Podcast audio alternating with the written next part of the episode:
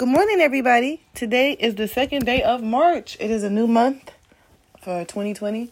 So 03, 02, 20, 20. 20. Right. And I'm here with my sister, Catrice, What's up, everybody in podcast Anchorland? and my mom. Good morning. We're doing this in the morning because that's our best time to discuss any topics. And you know what we have to talk about? Oprah falling. Bitch talking about balance and couldn't keep it. Little a literal and figurative fall from grace. Shout Yeah. out to Tyler Perry though. Fall from grace on Netflix. I suggest anybody that likes telenovelas go check it out. Telemundo type shit. You know, I'm a Tyler Perry fan. I did like that film. Granted, it, it you know, people had a problem with the costumes and the hair, the wigs and stuff. I like theater. So a lot of times in theater, you don't even get a full set. Yeah. It's about the acting. And I'm thinking about creating a new meme with Oprah falling and then saying karma is real. Bitch. Um, let's just say Michael Jackson fans everywhere were clapping when the 70 some year old woman hit the floor. I don't think we were clapping. We were going, hee hee. you ain't done enough for me. Come on, man. Come on. bitch. So I wonder, wonder what's gonna happen again. Okay, let me stop because people. Okay, so my one friend on Facebook when I first posted that and I said karma is real and all these things, she um commented. She commented um that I uh that they look it could be staged and everything else whatever you know you know she, she asked if she if I thought it was going too far you know I said no I do not. she went into Mrs. Jackson, Katherine Jackson's home, hugged this woman after she lost her son A Grieving mother. a grieving mother. You know what I'm saying? Y'all, you know, that's like if the Black Lives Matter movement. We went Um, to Trayvon Martin. We went in, no, or whoever, or Mike Brown's mother, somebody who was murdered by the police or authority figure, and the police chief came and gave him a hug and said, "We're gonna do better. We're gonna fix this." Or something like that. They just giving them, you know, it's a real olive branch. And you do some fuckery like this, you deserve whatever the fuck you get. And well, I'm sad it looked like she didn't break nothing. I'm sad she didn't fall on her fat ass mouth. You know what? I hope they give her some pain meds that she's really into. Like they did Michael, because when Michael got burned by Pepsi, they gave him these payments. He tried to go to rehab several times, but because everybody want to put these bullshit allegations on him, like he fuck with kids, he had to keep going back to this to cope. You know what I'm saying? When people would, would uh, say horrible things about you that just aren't true, like you molest children, And that and the and the um the world bullies you because that's what they did. They bully Michael Jackson. when his skin changed colors, they made fun of him. But now they when dare make fun of these girls and models and stuff and males with vitiligo now. But they made fun of Michael Jackson. They said he hated himself. He had lupus. Literally, his face was falling apart. They said he got plastic surgery. All of these horrible. Just I mean, yes, he got some, but not like I think it was exaggerated. Yeah, It was exaggerated. It's sensationalized. And it's just unfortunate that Michael Jackson was just allowed to be such so victimized, mm-hmm. and by people he really liked. He helped Oprah be the the media mogul that she is. Mm-hmm. Nobody was really fucking with Oprah before he did that interview in 1993. He went live all over the world, and it was the highest rated interview ever. Before the internet was a thing. Before the internet ever was a thing. He went viral. He went viral and he gave it to Oprah. He let Oprah at his house. I want to get on the Ferris wheel. Fuck you. Fuck you. I hope you never get on another Ferris wheel in your life. Now I hope you're scared to walk upstairs and have a phobia. Okay, I'm a therapist. Now, my message goes out to all the women that are attacking what Snoop Dogg had to say oh, about, Gayle. Gayle. and the way she did Lisa Leslie and the way she tried to discredit Kobe with a case that was dismissed. In it- 2003. so in 2003, which means she had 17 years to ask Kobe about this case. Okay, so I want to say this: Snoop's Snoop was grieving. His message was to try, just try to tell her to be more respectful at this time, and then here come a group of women to attack Snoop. But those group of women should have been supporting Vanessa Bryan. You said you feminists. Why didn't you support this mother that just lost her daughter? And husband. Where were the feminists when Mo'Nique was fighting for equal pay? The feminists are never nowhere to be found when we need them. When black women- When black women need them. Let me correct myself. So I would say this. If you are a black woman and you think you are a feminist, you need to rethink that. Because the feminist agenda is to separate us from our black men. I would agree with that, mom. I mean, I you know, it, it's interesting to hear that perspective. Um, and really quick, Jada Pinkett. Say your name, Catrice. 'cause Ca- people This is think we- yeah. This is alike. this is Catrice. They're gonna always think that, even though I say Catrice, Catrice, Catrice, they'll still say I could remember who made this point. Anyway, um, while we're on the Gayle subject and Snoop Dogg, Jada Pinkett, I love Red Table Talk. I love we had a complete conversation. Sister, keep doing your thing. I love But your daughter on there. I love your daughter on there. I love your mother. I love the generation. Shout out to black culture and our generations. However, Queen, I don't agree with you. I'm sorry. I know you you're friends with Oprah and Gayle, but mm-hmm. shame on you for that. Because don't try to make this a black woman thing and say we're upset with Snoop. We were all clapping for him. Right. We all defend him for that. Now he and people gonna bring up the fact that he was cheating on his wife and this and that. That's their business. He has not. I don't feel like he's ever really shown black women as a whole being disrespectful. Well, some of his now people might say his lyrics are misogynistic and all that. If you choose to like Snoop, you know what I'm saying. That's what you're listening to. I love Snoop Dogg. The Doggy Style album is still in my top five. Right. I don't feel like he was being misogynistic But I me. have a question. I have a question. This is a question for you. But on this point, to Snoop. Right. And, and, and, and Jada Pinkett, you have to do better, Queen. Now, you need to have a conversation about why people don't agree with you. Why Okay? black women why don't black women not going to agree with Okay, you. wait. Can I make that point more specific? I think it's a certain certain economic um, issue when it comes to black women being able to speak for all black women. It's as though if you have more money, more class, or whatever, you can even speak for poor black women. Well, black women with not as many resources. So, you know, it, it's unfortunate because when somebody's speaking the language more of the people, they might sound more aggressive the way Snoop did. It's not as politically correct as maybe Will Smith would give a message. Because Will Smith may have checked Gayle, but in a different type of way. Right. Right. And I'm and I notice if you don't do shit in a charming, whatever type of way, Non-threatening. non-threatening. No, because white people want to say he's misogynistic and this and that. No, y'all were just threatened by the way he said it. Real, real black people weren't. We knew what he was saying. We understood why he was speaking the language of the people. That's what I'm saying. most people, uh, the the consensus of the uh, masses where we agreed. The politically correct black people did disagree. well, but we know Will and Jada was part of that Scientology cult. They, tried- said that they weren't. They Okay, they but- weren't. but- allegedly, allegedly. Hold on, but let's let's I mean let's talk about the evidence that said that they were. Okay. Leah Remini saw them with Tom Cruise. Several. And she came on the Red Table Talk to address that too. I'm just saying because Yeah. it was out there. It was out there. Bec- and it was true. She was there. Right. I don't see Scientologists inviting people over their house that's not Scient. I, I watch too many of the vlogs of the regular people who are Scientologists, how they talk about they're isolated from the rest of the world. Right. They might have regular jobs, but they really much know how to stay right, brainwashed. That's true. Through any. I mean, I don't think they were around there because they weren't interested in Scientology. We'll say Right. that. Hold on. And it's clear that those kids, Willow and Jaden, was a part of some sort of situation. situation. When it came to education everything you can tell. Their conversations they, they are not as in depth as they're liking us to think that they are. Let me just say that. I'm not trying to diss them. I like the smiths. I watch the red table talk. However i'm allowed to criticize my brothers and sisters. As black people we're allowed to have conversations. We don't all have to agree. Uniformity does not mean we all work as one. The organ the, the lungs do what the lungs do the heart does what the heart the, we're all working as the human body. And i look at black community the same way. I'm rejecting this whitewash idea that we all got to agree every time mm-hmm. to, for our humanity. It's not true. And all I can say is, Gayle, this better be a hell of an interview that you do with Harvey Weinstein. I- I'm waiting on this interview. and Oprah and oh, Oprah, Gayle, y'all should do a joint interview. Since y'all, Gayle, you did interview Wade Robinson and did James Safechuck, knowing Michael that they Jackson were accusers. knowing that they were some fucking liars. and Brett Barnes said he wouldn't be a part of Leaving the Never- Leaving Neverland. He also testified in 2003 and said Michael never touched him with Wade. Okay. Don't forget and, about Macaulay. And Macaulay Culkin testified that all, and then all the housekeepers said they saw Macaulay Culkin get, getting um molested. He said, "I resent that implication." Wade Robinson said the same shit when they tried to say that about him. and we know that the housekeepers already was paid off yeah, and Jordy Chandler wouldn't even testify in 2003. Only his mother testified, and the only thing she could say was she hadn't talked to her son in 11 years. Count back 11 years. What happened 11 years from 2003? Oh, y'all, y'all, y'all already know. Well, I can tell you really quick. For those who don't know, Jordan Chandler's father drugged him, and literally drugged him. He was a dentist. He took him to his practice, drugged him so he could get him to agree to whatever he said. He coached him through this entire accusation because up until that point, Jordan held firm. Michael never touched him. As a kid, he stood up against his parents. And then when they got all his money, his father killed himself, and he hadn't spoke to his mother in 11 years. So let's be clear about some shit. And also, and also, Jordy Chandler refused to testify. And to this day, he's never made a statement because he's only going to say that Michael Jackson never hurt him.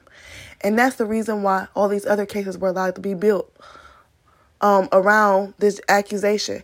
The DA, he's an effing liar. You guys know he is. I think it's called um, Sneddon.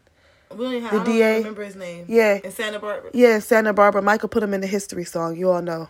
Get on code, go get the history album, do your You know, research. I really think you know what, Catrice. I like the way you're saying this. If we know the guy's name or not, we're not gonna say it because you know what? I like that. We got to stay on the Moonwalkers code. If you don't know that code, you got to hop on Twitter. You got to get your research up because the Moonwalkers is putting some great content out here, and I'm encourage people to go check out YouTube channels. But anyway, he built a really faulty case. All my law school students, all the people who have, you know what I'm saying, their law degrees, do their research and you'll see how how fraudulent, really fraudulent all this has been against Michael Jackson. Oprah's a part of it. Gail's a part of it. Harvey Weinstein was a part of it. Mm-hmm. Steven Spielberg is a pedophile. I'll say that. Because Allegedly. research- allegedly. No, allegedly because the research shows that he is. his black daughter. Um, this hold on. So his black daughter, that his adopted black daughter that Oprah mentioned. That's the only reason I had knew he had a black daughter because when Tom Cruise came on to promote World of Worlds on her show, do you remember that Yeah. interview?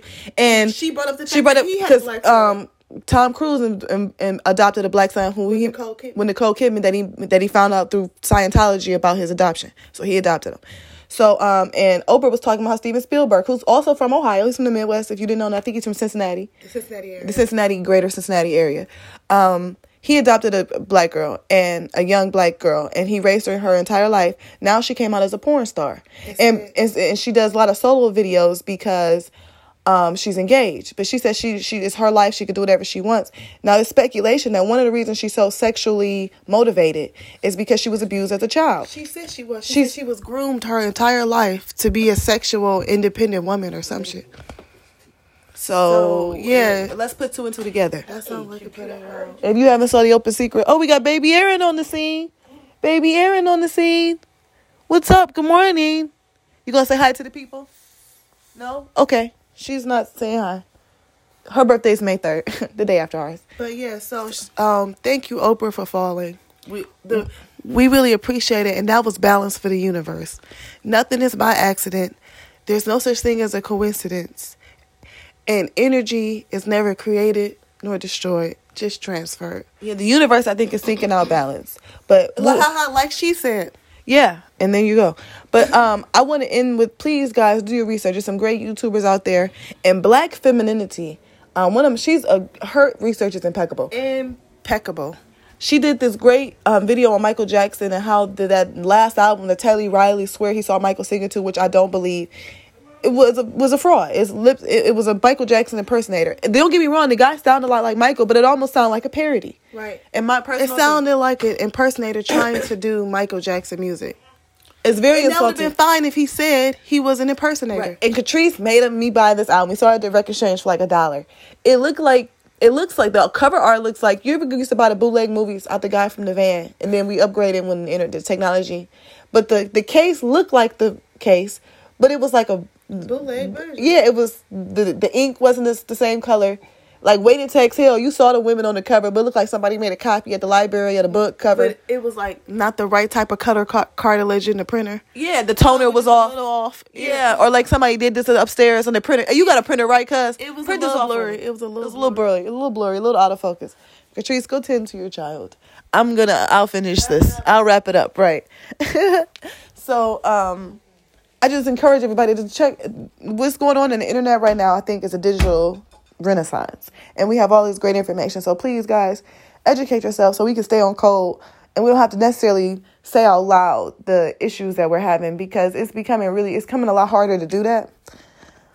Because I find that even okay, the social media outlets like Instagram, Facebook, they can really are censoring a lot of t- information now, and I'm concerned. I'm very concerned about the censorship that's going on with these uh, social media outlets. That's why you you guys know. I don't know if I told you told y'all that I still write code because I don't know what type of app I'm making or I'm figuring out what to put together. But I feel like these are viable skills. Know how to know where your data is going.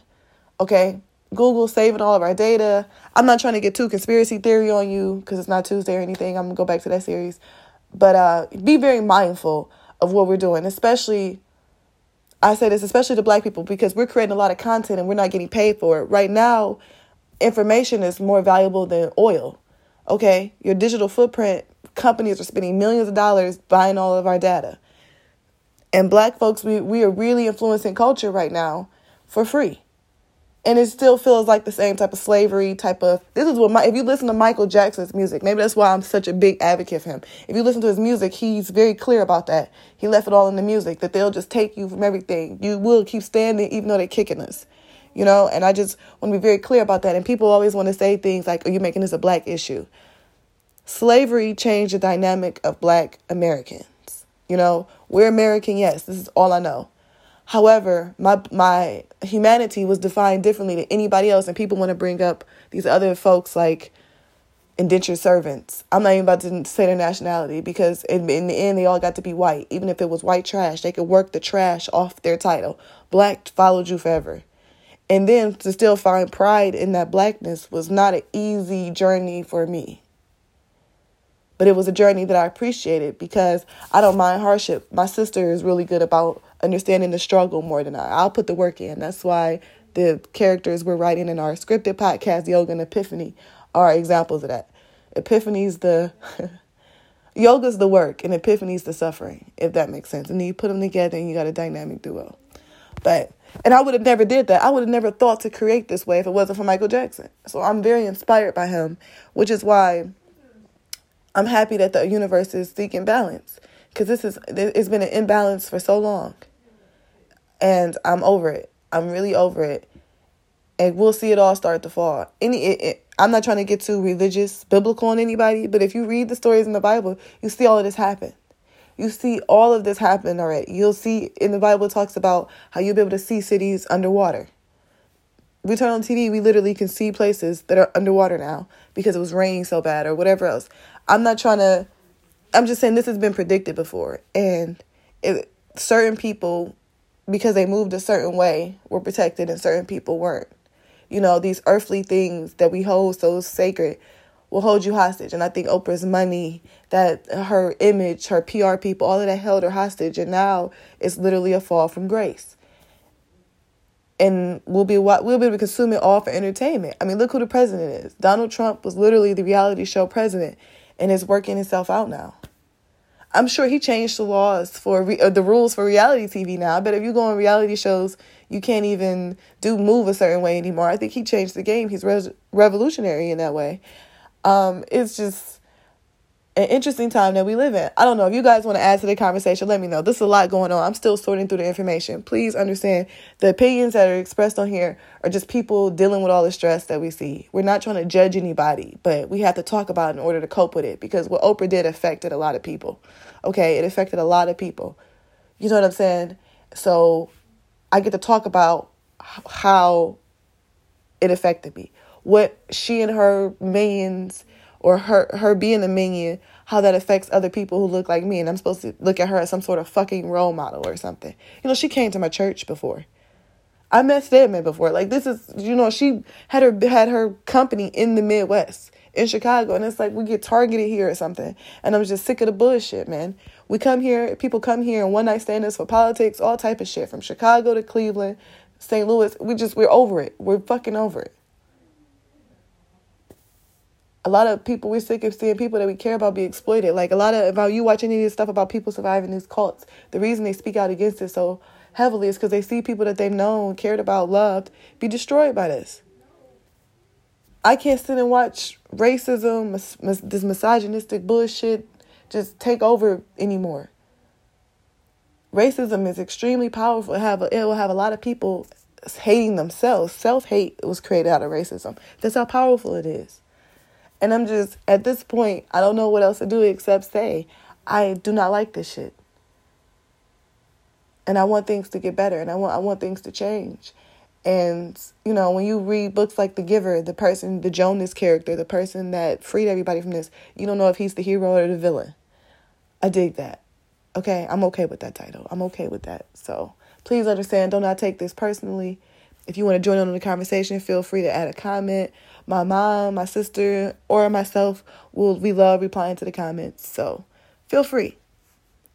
Thanks for chatting with your girl Cat. Oh, and my other girls, Catrice and Mary145, aka Mom Dukes, and Baby Aaron made an appearance. Have a good day, everybody. Happy 2020.